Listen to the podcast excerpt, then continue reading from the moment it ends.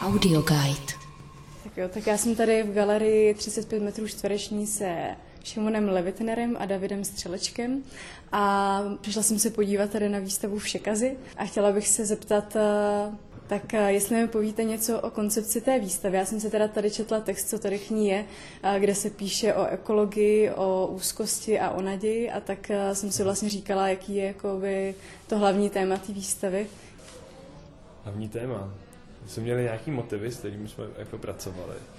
A jeden ten motiv byl nějaký jako křehkosti a hledání přírody ve městě a vůbec jako okolo nás. Nějaký jako směřování pozornosti na nějaký jako jiné věci než normálně. A to se jako vyvíjelo v průběhu té práce, protože proto jsem hodně jako o, procesuálně bych řekl, že ty věci jako vznikají na místě dost často. No, tak tady ty motivy byly pro nás asi nejsilnější. Tak vlastně pak jsme se uh, nějak dostali k tomu, že vlastně pro nás byl, bylo jako dobrý to podat nějakým takovým způsobem, který je spíš takový, jakoby, takový jako zážitkový nebo takový jako tělesnější jako a formu nějakého jako třeba pohybu toho návštěvníka eh, v tom prostoru. Vlastně se jakoby motá v nějakém takovým jako křehkým prostředí a vlastně si není nikdy jako jistý, jestli jako šlape kam má nebo nešlape kam má a je, je nucený jako si dávat takový jako větší pozor na to, eh, kde se vlastně a jak se jako pohybuje. Nevím, to právě působí dost jako optimisticky nebo tak jako vlastně přívětivě, takže mě překvapilo, že tam píšete teda o úzkosti, ale je to teda spojený s nějakým jako pozitivním vnímáním té krajiny nebo toho prostředí nebo nějaký útulnosti možná, tím, že je to vlastně jakoby malý prostor, tak jste k tomu přistupovali jako až tady na místě, nebo nějakým způsobem se to jako přeměňovalo, ta koncepce? No, tak já myslím, že ta útulnost je asi hodně daná tím, tou rozlohou té galerie jako takový, ale že to asi nebyl nějaký jako záměr vlastně jako z toho dělat nějaký jako pokojíček. Jako pozitivní to asi je, protože dáváme nějaký jako návod třeba, jak se tady postavit uh, hmyzí domek, respektive takovou jako uh, bedinku, kterou může jako člověk poskytnout nějakým, jako, nějakému drobnému samotářskému hmyzu a vlastně jako pozorovat a být v nějakém, nějakém kontaktu s nima. Právě třeba jako ve městě, kde prostě nemají třeba aha, moc místa, kam se můžou jako usídlit. Hmm. A tak vlastně to je nějaká jako pozitivní, uh, pozitivní pomocná ruka prostě pro diváka. A tady ten první objekt, tak to je vlastně nějaká naše už jako parafráze toho hmyzího domku už spíš jako takový symbol. Možná můžeme projít tady tou částí eh, přechodnou. Tady jsme právě taky přemýšleli, jestli se potom dá chodit, ale tím, že už je tady v tom písku pár šlápot, tak je to vlastně jako vidět, že je to taková cesta. Ale člověk se musí dávat pozor, kam šlape tady. A, a vy teda zároveň vytváříte nějaký jako materiálový takový jako objekty nebo nějaký instalace, ale zároveň jsou tady třeba, je tady třeba obraz na zdi teda.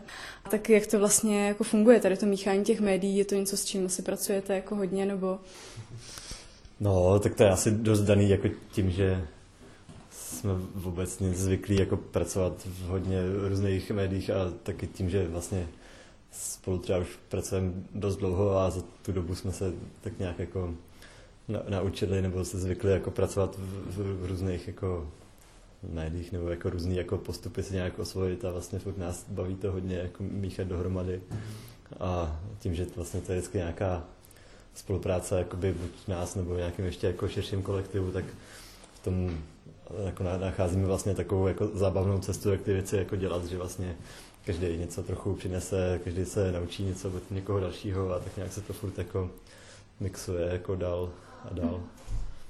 Tak jo. A ještě mě zajímalo, jak se tady tohle to vztahuje k dalším věcem, co děláte, nebo jestli je možné to nějak jako zařadit do nějakého většího tématu, nebo um, okruhu témat, kterým se třeba zabýváte nějak dlouhodobě.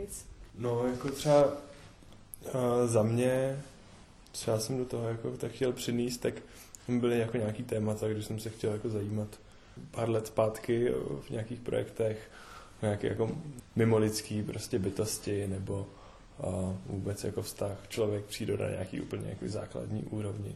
A tak to se vlastně pořád jako opakuje, akorát vždycky jako nějaký jako řetězec a vždycky jako jdeme nějakou jako odbočkou a něco jako zkusíme jinýho, nějaký jako jiný téma, pod téma, tak to třeba jako za mě, no.